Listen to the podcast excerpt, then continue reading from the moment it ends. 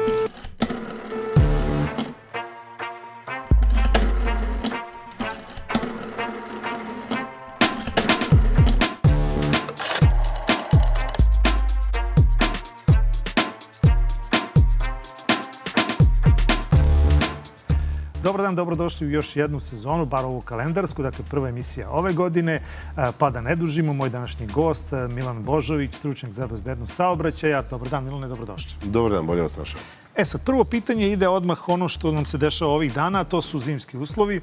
Jesmo li mi kao vozači u Srbiji spremni za zimske uslove? Kad to pitam, pitam, dakle, jesu li nas u autoškoli uopšte obučili da kada padne sneg, kada su zaleđene ulice, da znamo da reagujemo adekvatno. I to sad ne pitam za velike brzine, jer ćete mi vi odmah reći, znam, svi stručnjaci za bezbednost saobraćaja kažu neprilagođena brzina, to me ne interesuje, nego evo recimo vozimo 40, ja mislim da je to neka brzina koja je u gradu i do 50 sasvim normalna. U zimskim uslovima jesmo li mi kao vozači spremni za sve što nas čeka iza ugla i da adekvatno reagujemo? Ja mislim da nismo. E, ne samo zato što u autoškolama oni možda nisu sve rekli tim kandidatima koji su kasnije položili za vozače. Rekli su oni sigurno ono što piše u njihovim priručnicima i što bi trebalo da bude dovoljno. Međutim, ti kandidati najčešće nisu probali da voze u zimskim uslovima, u prisustvu instruktora, pa onda kada dobiju vozačku dozvolu, pa kada ih sačeka prva zimska sezona, onda su očekivani poprilično veliki problemi sa njima.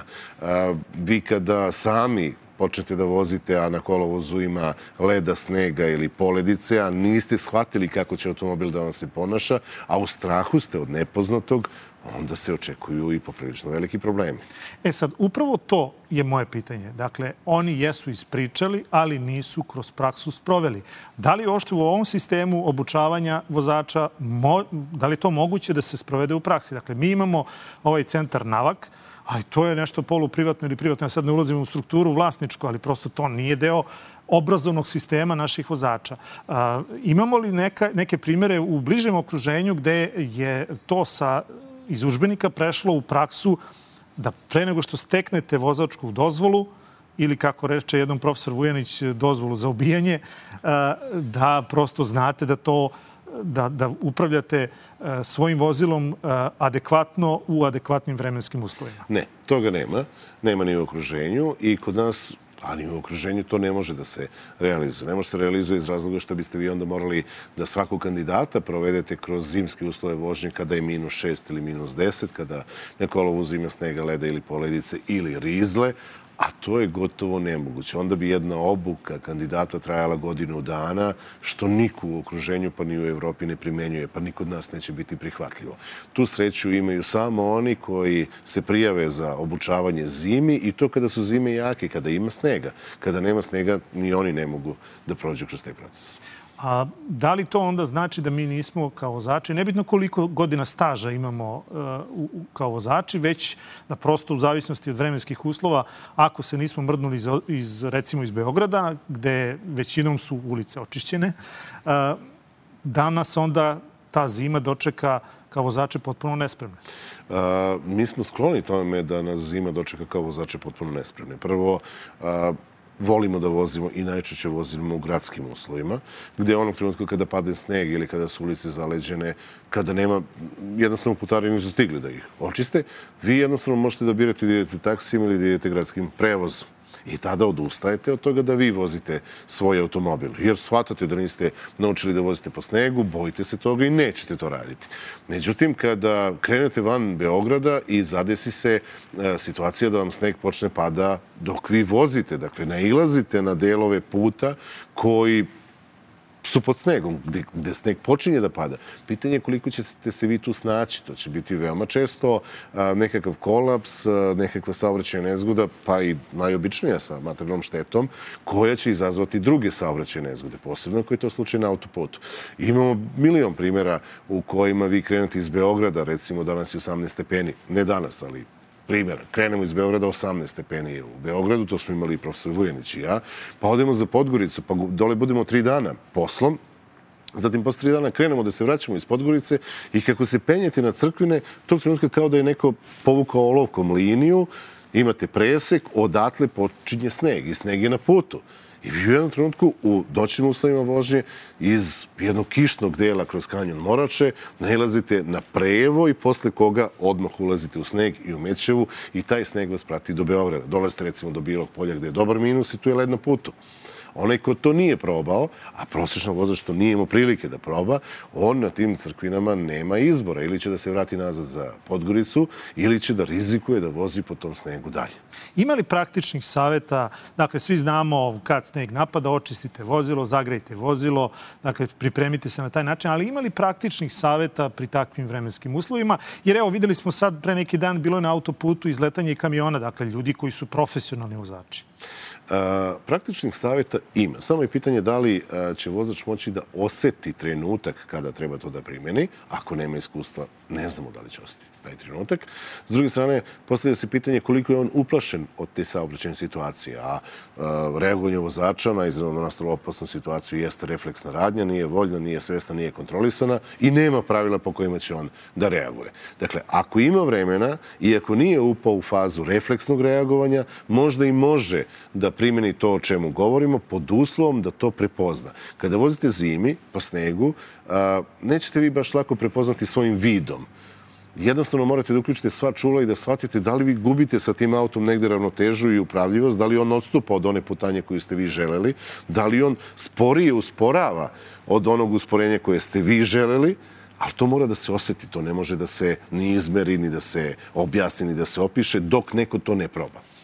Šta nam kaže bezbednostna statistika? Dakle, e, vrlo često imamo u zavisnosti od toga ko je na čelu uprave saobraćene policije, imamo, e, a najčešće da tako kažem, imamo pohvale kako je broj poginulih smanjen ili bar on ide u nekom padu. Jesu li zakoni, izmene zakona o bezbednosti saobraćaja, jesu li postigli efekat i u, i u kom stepenu? Jesu, postigli su efekat. Nije to samo u zavisnosti od toga ko je na čelu uprave saobraćajne policije. Mi imamo jedinstvenu bazu podataka o saobraćajnim nezgodama koja je razvijena u Agenciji za bezbednost saobraćaja i agencija je sada članica međunarodne baze podataka o saobraćajnim nezgodama, što negde govori, iako Srbija nije država članica Europske unije, što negde govori da oni veruju našim podacima. I naši podaci su takvi kakvi jesu. I to jednostavno svako od nas može da proveri, ode na sajt agencije, uđe u jedinstvenu bazu podataka o saobraćajnim nezgodama i od u proteklom periodu pa na ovamo vidi kompletnu statistiku po filterima po kojima on želi. Dakle, to je proverljivo. Ne možemo baš da tu lažemo. Ako govorimo u apsolutnim brojkama, a, one iz godine u godinu variraju. Nekada ima više, nekada ima manje, pa manje, pa opet više, ali ako posmatramo sve druge parametre, a to je broj registrovanih automobila, koji je recimo od 2006. na ovamo porastao za skoro milion, broj registrovanih vozila, a mm, količinu prodatog goriva koju mi u ovom trenutku nemamo mogućnost da pratimo apsolutno, ali nam ona govori o obimu saobraćaja, o pređenoj kilometraži, broj pređenih kilometara koji bismo mogli recimo da dobijemo sa tehničkog pregleda gde se svake godine popisuje kilometraža, mi ćemo vidjeti da imamo znatno veći broj automobila, znatno veći obim saobraćaja, a da broj poginulih i broj saobraćajnih nezgoda negde nam otprilike tu stoji ili blago pada. Ako pogledamo recimo 10 godina ranije, vidjet ćemo da postoji taj opadajući trend. A, tako da mislim da jesmo postigli poprilično dobre rezultate, ali mislim da moramo da nastavimo dalje da radimo na tome.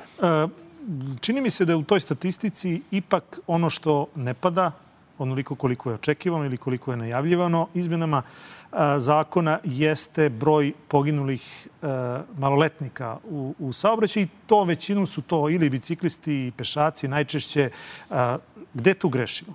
Mislim da tu imamo uh, poprilično, ne samo maloletnika, imamo problem sa pešacima, imamo problem sa biciklistima, imamo problem sa mladim vozačima, imamo čak problem i sa decom koji voze traktore. Dakle, to je ono što je realno, što u ovom trenutku uh, ne možete baš apsolutno da kontrolišete ili da usmerite kroz sistem.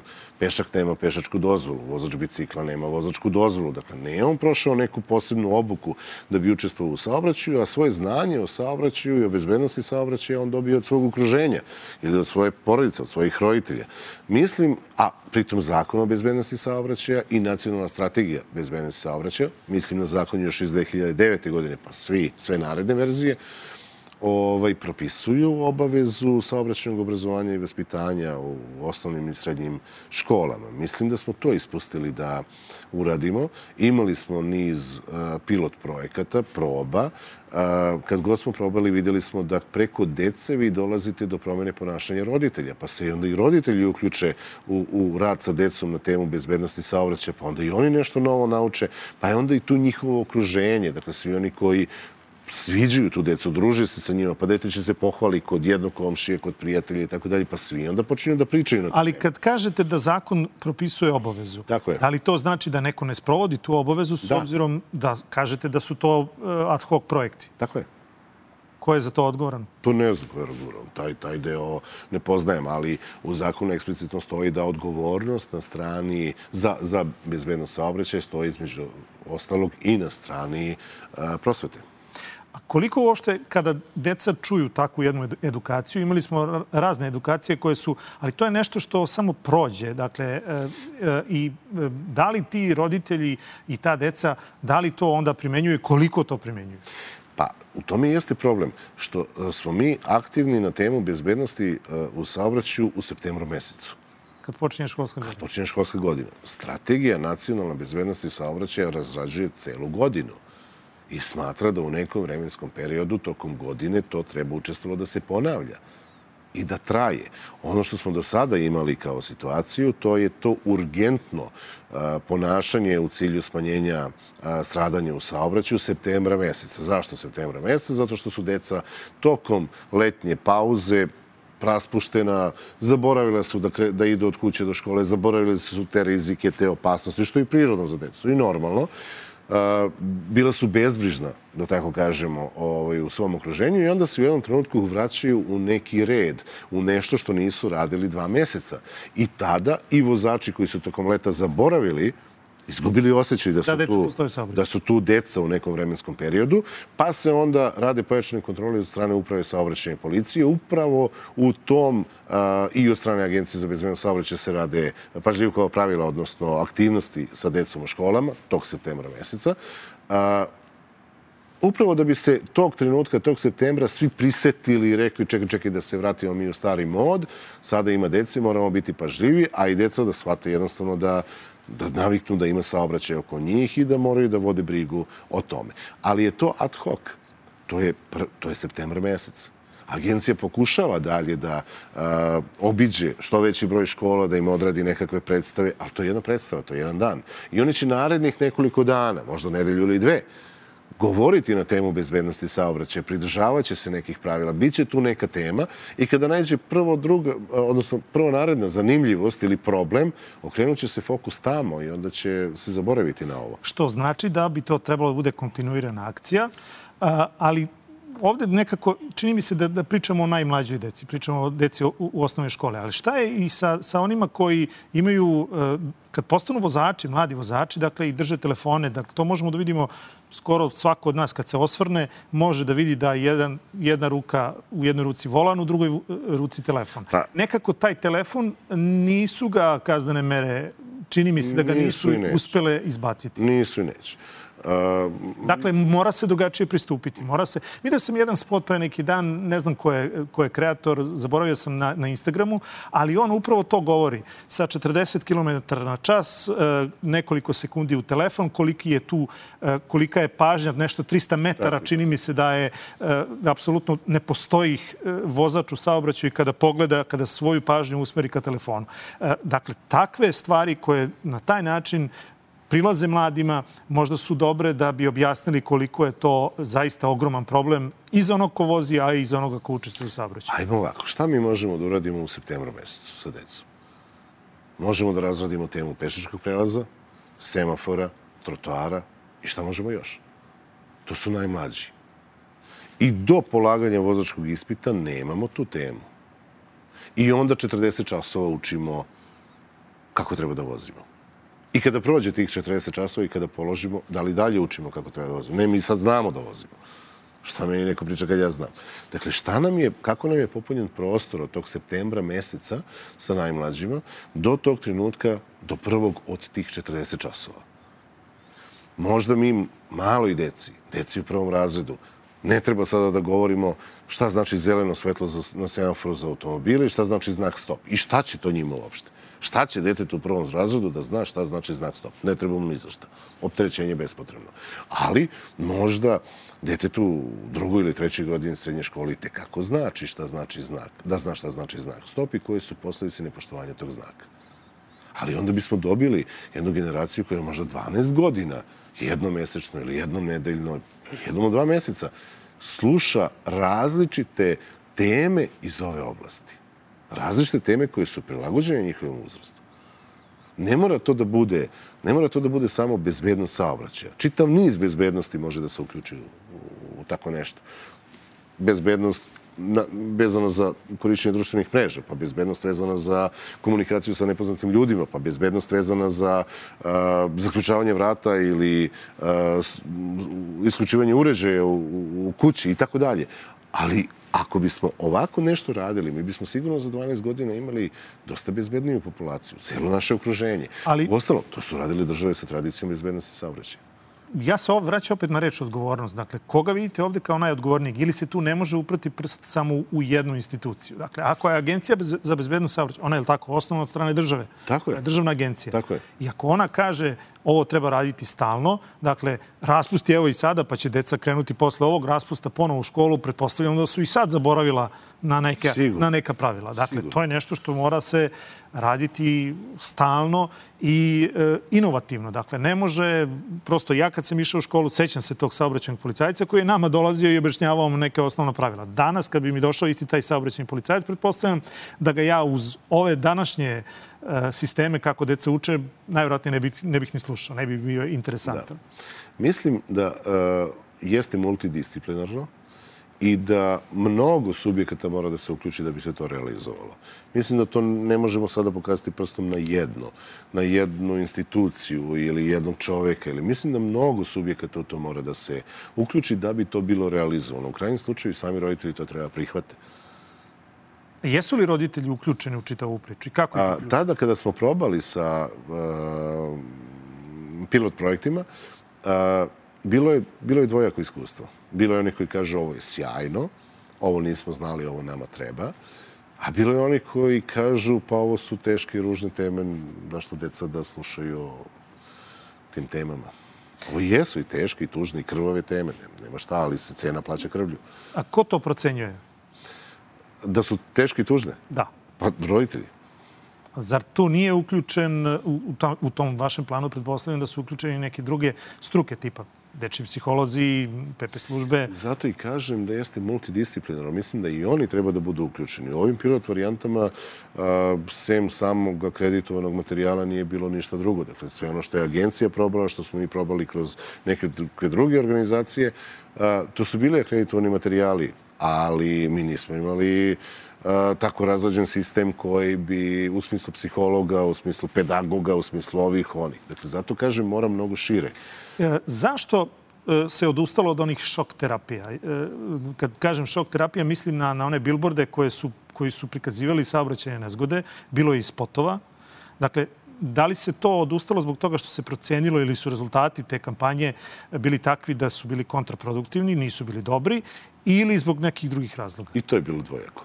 Dakle, imali smo a, komentare sve vremeno da je to strašno užasavajuće, da su oni pod stresom i pod utiskom, ali su ipak promenili svoje ponašanje i da to ostavilo snažan utisak na njih i da oni više neće da se ponašaju negativno, do onih koji su bili u smislu tužit ćemo vas zato što uznemiravate javnost i nas i tako dalje i tako bliže.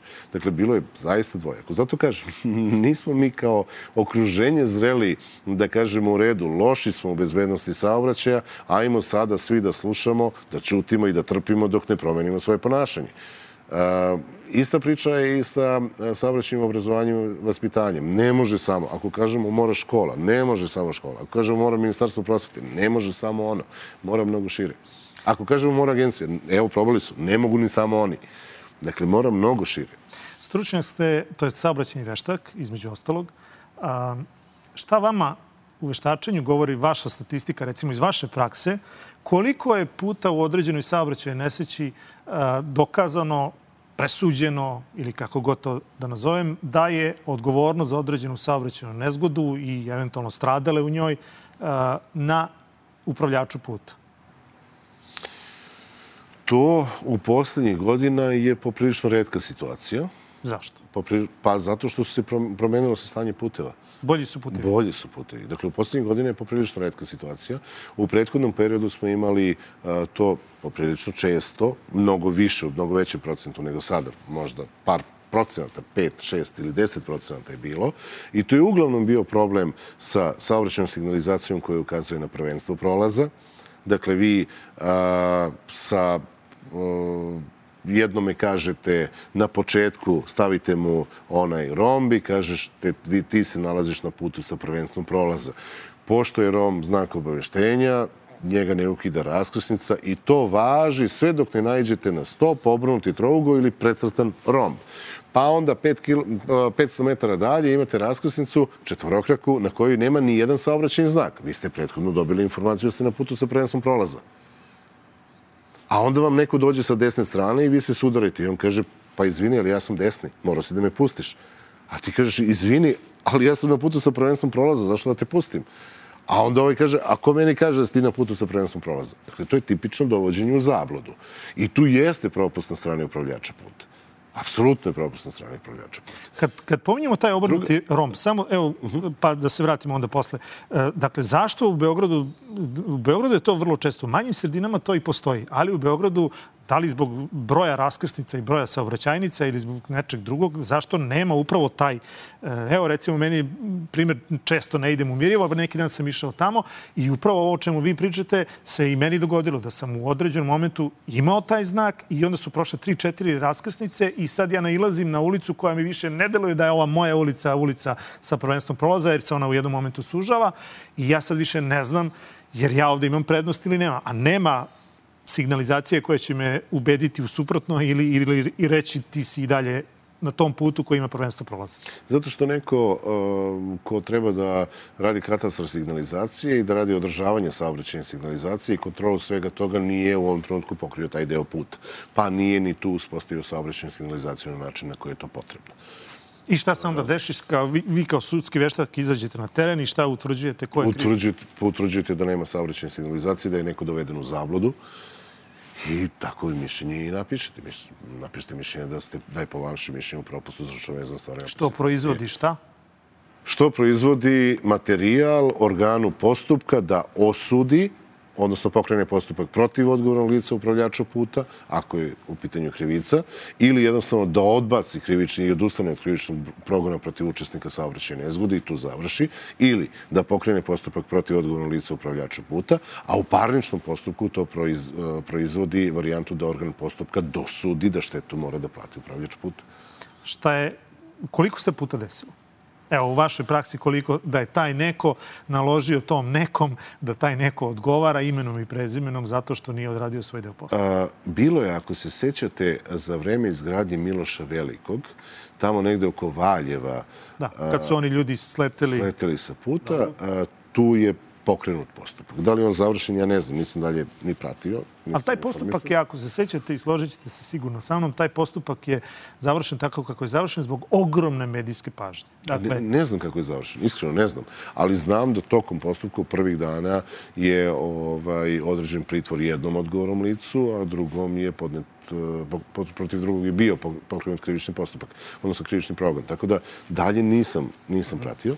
To, to je situacija u kojoj znam. Sećam se e, saobraćene nezgode u kojoj je učestvovao ministar Jočić. Tu je u, u nalazu, odnosno u veštačenju napisano, napisano da je po našem mišljenju propust uzročno vezan stvarima opet situacije nastanak saobraćene nezgode na strane upravljača puta.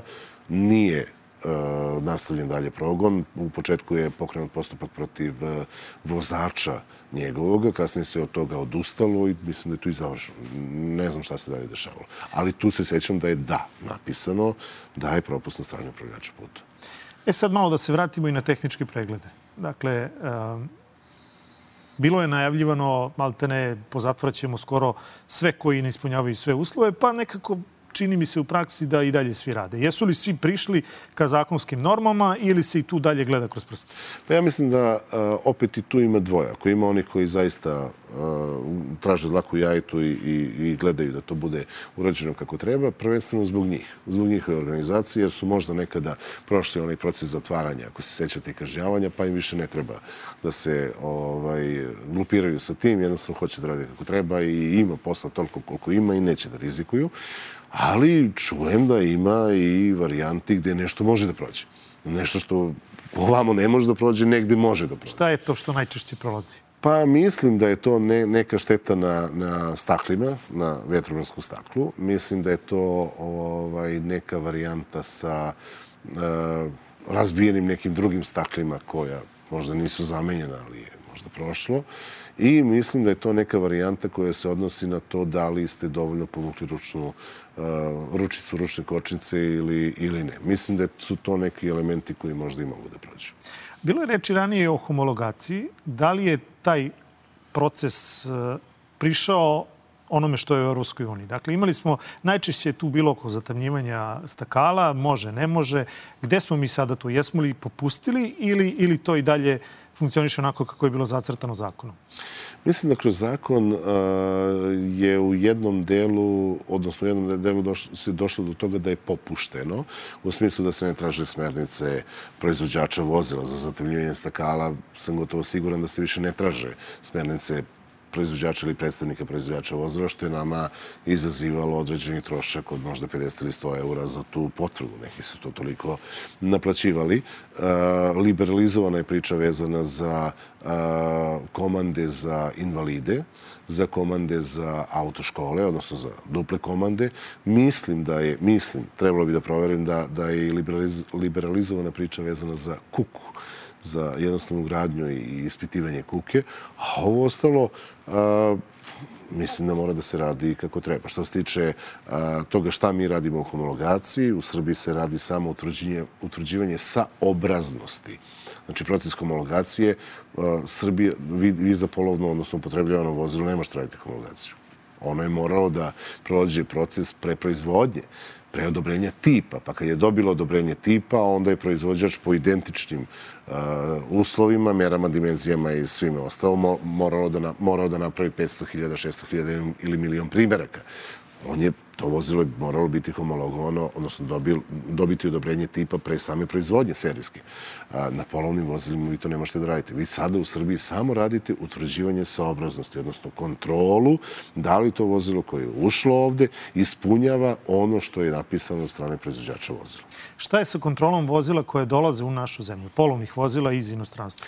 Radi se utvrđivanje saobraznosti, Dakle, to je da li su homologovana za evropsko tržište, da li je njihovo stanje odgovara onome što je e, dato u potvrdi e, u COC-u ili potvrdi TIFA ili DEKRE ili nekog od e, trgovaca podacima o vozilu, od fabričkom stanju vozila.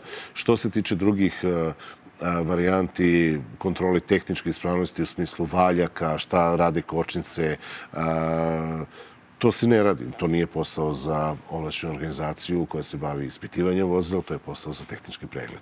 Što se tiče merenja emisije izduvnih gasova, ne radi se. Tako da u tom smislu mi nemamo podatak u kakvom stanju što se tiče samo kvaliteta vozila dolazi. Kad to pominjete, da li to znači da ćemo mi i dalje, mi, Bugari i još poneka država u okruženju, biti, e, neki kažu, otpad za ono što neće na zapadu da vozi? Uh, tu smo imali uh, baš dosta ozbiljnu, konstruktivnu diskusiju. Ne, tu uvek ide ona priča koliko smo mi ekonomski sposobni da vozimo nove automobile, kakvi su nam kreditni, Tako je. E, e, kakvi su nam kreditne mogućnosti, kolike su nam kamate, pa onda ne možete ljudima zabraniti da vozite. Ali prosto mora se valjda nađi neka mera. Neka mera treba da se nađe, ali ajde sada da posmatramo na sledeći način. Opet kažem, imali smo konstruktivnu ovaj, diskusiju profesor Vujnić i ja. Šta ćemo dobiti ako zabranimo uvoz euro trojke i euro četvorke? Dobit ćemo uvoz euro petica i euro šestica. Ajde da pričamo u godištima sam, proizvodnje, sam, samo, graničnim. Da ljudi mislim da je. Mislim da je to negde tamo do 2012. ako se ne varam. Četvorka je do 2012. Recimo da je tako. Ali Dobro. različiti proizvođači su, neki su krenuli ranije, neki kasnije, tako da nije baš ne može baš da se podvuče ovaj crt. Ali recimo da je, recimo da je 2012. Šta ćete zabraniti ako uvozite, šta ćete raditi ako zabranite uvoz automobila 2008, 2009, 2010 i ograničite recimo na 2012. Svi oni koji nemaju dovoljno novca, a mogli su, žele auto, i mogli su da uvezu automobil koji je recimo u dobrom stanju, 2009. ili 10. godište, vi ih sada prevodite na varijantu da on mora da kupi automobil od vas. Vi prodajete svoj automobil i ćete sada da kupite automobil 2015. godište. Ali taj automobil koji prodajete sigurno niste održavali na način na koji se on održavao od 2008. do sada u Nemačkoj ili u Švajcarskoj. Pa ćete onda zatvoriti varijantu da se između nas menjaju ti automobili koji su poprilično izrabljeni, pa ćemo onda imati situaciju kako smo imali 90-ih, da od onoga krša koji smo imali, dodatno ga krpimo, iako je on i dalje krš i sve veći krš, ali mi ga i dalje krpimo i on je i dalje tu na putu. Znači, ćemo kako stvari stoje da je, i dalje voziti kršave. Tako da je jako diskutabilno.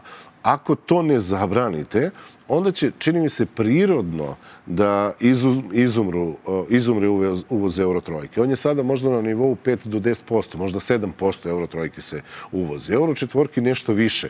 Sa protekom godina, pa i one će same nekako da izumru, neće ih više niko uvoziti. Ali opet pružate mogućnost nekome da umjesto da kupi na otpadu automobil koji je ceo razvaljen, pa ga nešto skrpi tamo i, i, i nabuđi, dajte mu mogućnost da kupi nekakav auto koji je bio vožen tamo negdje i održavan, tamo negdje u nekom ozbiljnijem sistemu.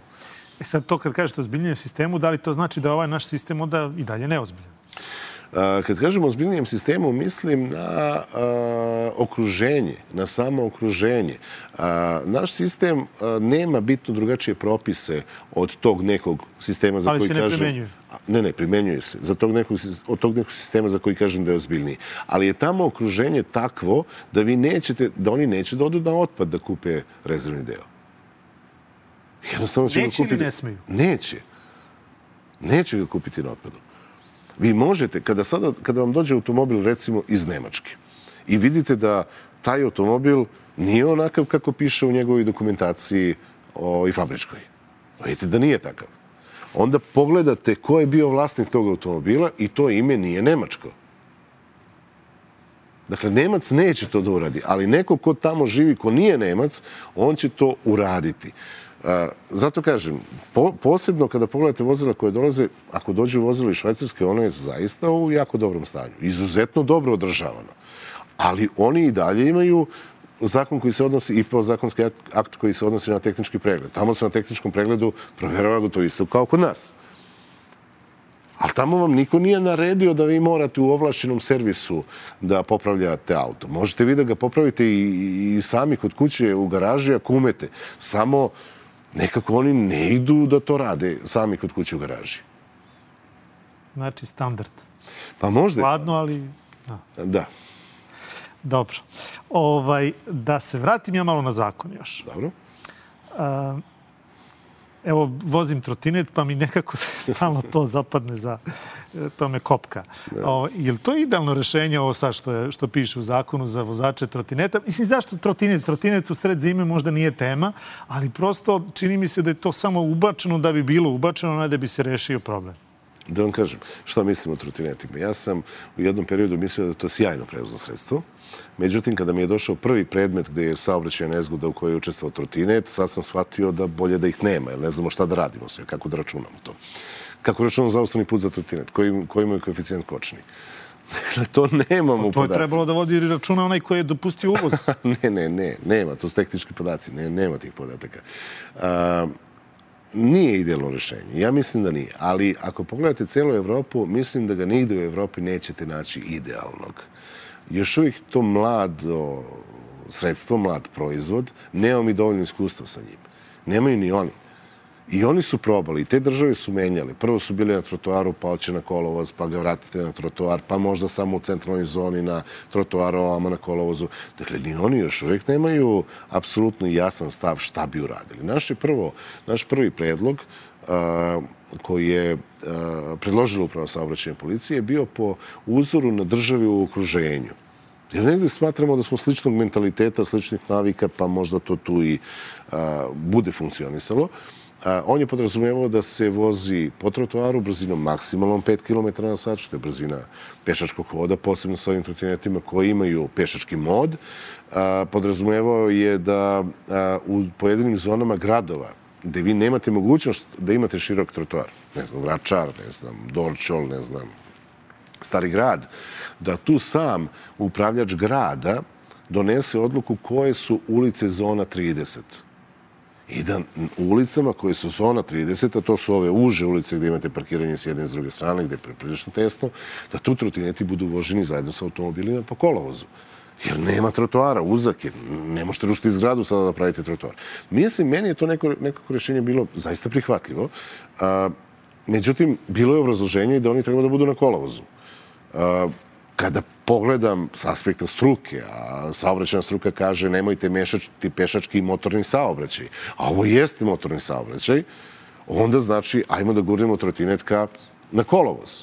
To, to su naši principi. Ali opet, ako želimo manje poginulih, a gurnemo trotinet na kolovozu, tu će biti više poginulih. Pa da, ali da li se dakle, razmišljalo o tome da ne gurnete trotinet ni na kolovoz, ni na trotoar, već na njegovu stazu gde idu i biciklisti? Dakle, prosto, je liko razmišlja o, o, o, o tom načinu? Ja sam ovde imao jednog gosta koji je e, uperio prst u saobraćeni fakultet i, kako je on tad rekao, takozvane stručnjake sa saobraćenog fakulteta, koji primat i dalje daje, daju motornom saobraćaju umesto da primat daju drugim vidovima saobraćaja kao što, je, kao što su pešaci, kao što su vozači trotineta, bicikla, dakle, ti ekološki vidovi saobraćaja. Jer to, jer se slažete vi sa tim? Ja sam slažem apsolutno. Ja samo vas pitam gde? Gde da ih stavimo? Evo na Vračaru. Gde ćemo sad da stavimo samo trotinete i bicikle? Pa kad na Vračaru ne bi se gradile zgrade gde su nekad bile kuće, onda bismo imali gde? Pa ne mislim tako. Zato što se, ne, a, kada pogledate jednu ulicu na Vračaru i tamo gde se grade zgrade, ne gradi se cijela ulica. Gradi se tamo gde je bila kuća, sad dolazi zgrada, ali pored te zgrade koja se gradi, postoje stare zgrade, stare kuće koje tu odavno traju i stoje. Vi od njih, mislim, u redu je, ajde, neka zgrada bude širine 30 metara, lupa, 30 metara. I sad ćemo kažemo, dobro, e, sad se gradi nova zgrada, ajmo da povučemo zgradu malo unazad, pa na tom delu od tih 30 metara dužine da stavimo bicikličku stazu. Ko će vozi na tom mestu bicikl? Niko. Dakle, idemo sad na Vračar da na onom mestu gde je biciklička staza dužine 30 metara da vozimo bicikl, je tako? Dakle, to nije izvodljivo. Posmatra se drugačije, posmatra se ceo potez posmatra se cela ulica. I kada vi imate prostor u nekoj ulici da postavite bicikličku stazu, vi je stavite, ali onda imate problem da nju vezujete na ostali deo mreže, na neku drugu ulicu tamo gde se ta ulica završava, ukrešta sa nekim drugim putem. Imamo li tamo mesta? Kako ćemo sa biciklistama tamo? Gde ćemo ih? Hoćemo li ih pod automobile? Hoćemo li ih na pešački prelaz? Imamo li gde da ih zaustavimo? Dakle, to, to su sve pitanje. Nije, nije prosto, evo sad se gradi. Pa da, ali ne gradi se ceo rač, ne gradi znači, se... ako ja dobro shvatam, nema rešenja. A, ja mislim da će morati u budućnosti da postoji neko kompromisno rešenje. Kompromisno rešenje znači tamo gde ima mesta, gde ima prostora, svakako treba graditi bicikličke staze i staze za trotinete i širiti pešačke zone. Apsolutno, saglasni smo. Tamo gde nema mesta, vi nemate mogućnost ništa da uradite. Vi tu samo imate mogućnost da smanjite ograničenje brzine, da određene ulice prevedete u ulice sporog saobraćaja i da tu dozvolite ljudima da koriste te trotinete i bicikle nesmetano. A, mi smo se poprilično dileme imali kada smo vodili neku a, vodila se zona usporenog saobraćaja. To je, to je varijanta gde a, se po kolovozu kreću i automobili i pešaci. To su ulice a, gde su zgrade jako zbijene, gde postoji izuzetno nizak intenzitet saobraćaja i gde saobraćaju samo vozila stanara. Dakle, samo onaj ko dođe do svoje garaže da, da uđe u garažu. Niko više tu da ne prolazi. To je imalo smisla da se to uradi. U Beogradu postoji postoje takve ulice. One funkcionišu na način da tu još nismo primetili ovaj, neke saobraćaje nezgode sa, sa povređenima i stradalima. Ali se tada jako pitanje postavljalo pa gde će pešaci? Pa evo oni funkcionišu. na tom mjestu funkcionišu. Ali i u Evropi, u državama sa tradicijom bezbednosti saobraćaja na isti način oni funkcionišu. Tako da mislim da će biti prostor da se uspori saobraćaj.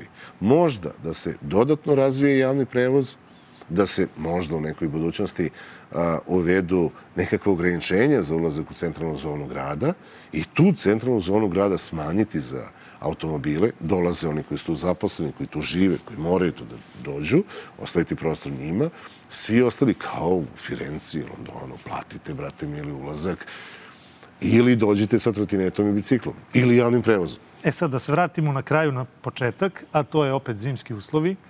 Um, kao vozač na, na jedan način posmatram saobraćaj kao pešak na sasvim drugi, ali nekako trudim se da, da budem ujedno, da brinem i o vozačima, jer pokušam da se stavim u njihovu kožu, kada sam pešak, da ne budem ono što je meni smeta kada sam vozač. Da pokušam da razumem. Kada ste vozač, smetaju vam pešaci koji vas teraju da menjate način svog kretanja, a kad ste pešak, smetaju vam vozači koji vas teraju da menjate način ne, svog kretanja. Ne, Tako. smeta mi jedna stvar, a to je zimski uslovi, smanjena vidljivost, neosvetljena ulica Kapuljača i pešaci koji su 99% siva, crna jakna, crne pantalone, crne cipele, dakle na sebi ništa reflektujuće rasveta, naravno, koja je takva kakva jeste.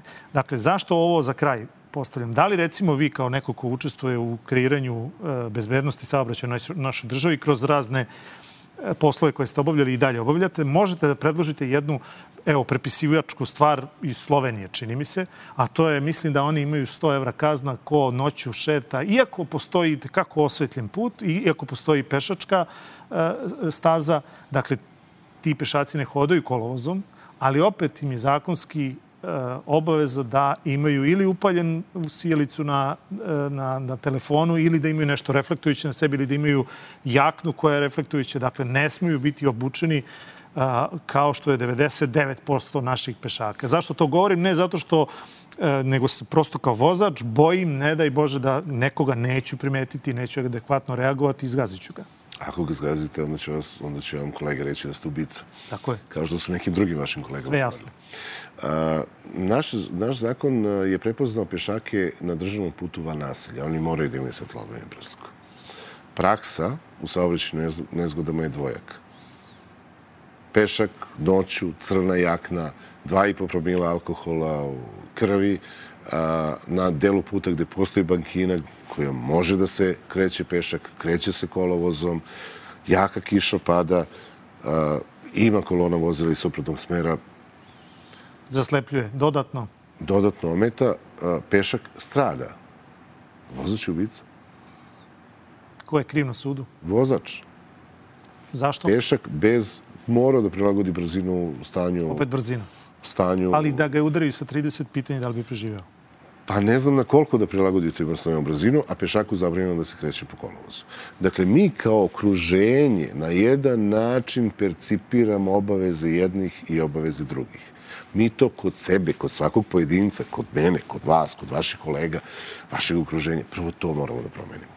Kada naše stavove, pojedinačne, budemo izgradili kako treba, onda će nam ceo, ceo sistem, kad kažem sistem, ne mislim tu na zakone i na... Ali kako ćete ih izgraditi? Da li ćete ih izgraditi samo kažnjavanjem ili evo i ovom našom pričom ili... Naša znači, priča... To prosto mora da bude jedan sklop raznih stvari. Naša priča je dala rezultat.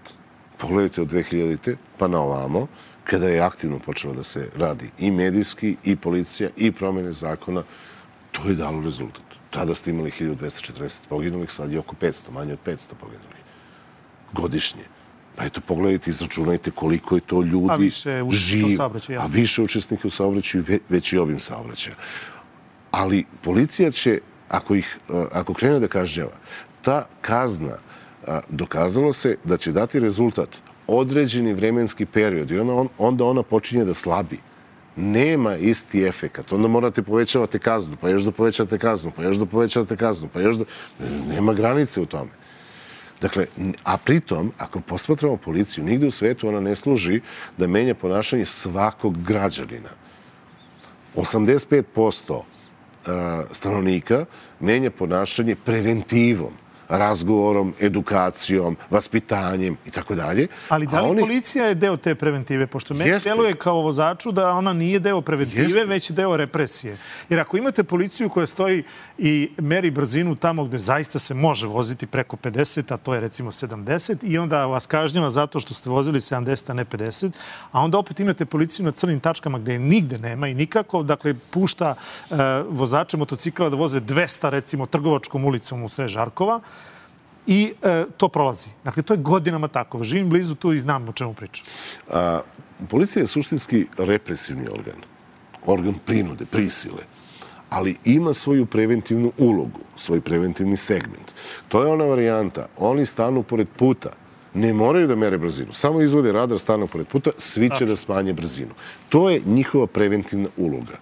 To je njihova preventivna uloga. Prođe autoputem presretač, par puta uključi ovaj, signalizaciju da vi vidite da je presretač, svi će da smanje brzinu. Ili prođe, ulovi jednog, krene da ga vodi na, na uh, Odmorište. odmorište pored puta, svi će u tom slučaju da smanje brzinu. To je njihova preventivna uloga. Taj jedan je Nadrljao. nadrljao i to i da nad njim će biti primenjena represija. Dakle, oni u ovom delu imaju preventivnu ulogu. Oni su svuda projektovani za 15% nepopravljivih stanovnika. Ne mogu oni apsolutno svakoga u svakom trenutku da posmatraju, da kažnjavaju, suprotno bi to bilo nerealna priča. Imali Šta ćemo bismo- s kamerama? Evo sad širimo priču, dakle završe, Kamera završavamo mora- emisiju, kamere- ali čemu onda broj ove kamere? Broj kamera mora da se poveća. Gde god je bilo kamera, Zar ih nema dovoljno? mislim da ih nema. jel rade one uopšte? Ja mislim da rade. Mi ono što mi dobijamo u predmetima ima kamera. Dakle, a, Evo, koliko u Beogradu ima kamera da vi u predmetima ste dobili prekročenje brzine? A ne dobijem ja u predmetima. Dobro, dobija, dobijate... I imate kamera. Ne znam tačan broj, imate kamera, a u ostalom možete pitati ovaj, sugrađane koji su platili kaznu po tim kamerama. Jedno vreme su ljudi na Brankovom mostu plaćali kaznu za neregistrovan auto i on ujutru ode do grada, oni ga, kamera ga slika, pa se vrati, pa ga kamera ponovo slika, pa on popodne ponovo do grada, pa ga ponovo slika, pa... tako da su za desetak dana uspeli da Da dobiju, plate registraciju. da dobiju ozbiljan broj prijava da to nisu ni znali. Jedno su zaboravili da im auto nije registrovan. Dakle, ima kamera, nemojte se igrati sa tim. Ima sigurno. Ovi, mislim da treba da ih bude više. Što ih bude više, to će nam saobraćaj biti bezbedniji. Primer je Smederevo. Primer je Smederevo. Smederevo, od kada je prvo ti e, ljudi iz Saveta za bezbednost sa, saobraćaja tamo, kada su predlagali uvođenje kamera, ja mislim da su svi bili protiv njih. Onda su uspeli nekako da uvedu te kamere, da postave kamere. Onda su se te kamere otplatile za nekoliko meseci. Jesu našem Ali kolege je stigla kazna kad smo išli tamo da snimamo. Tako, da je. znamo o čemu pričamo. Ali sada tamo niko ne divlja. Mislim, ima onih koji voze brzo, daleko od toga, ali je velika većina smanjila svoju brzinu. Drastično je smanjila i drže se u granicama dozvoljene brzine. Što i jeste cilj, i jeste suština. Ja mislim da kamera treba da bude još više. Iskreno.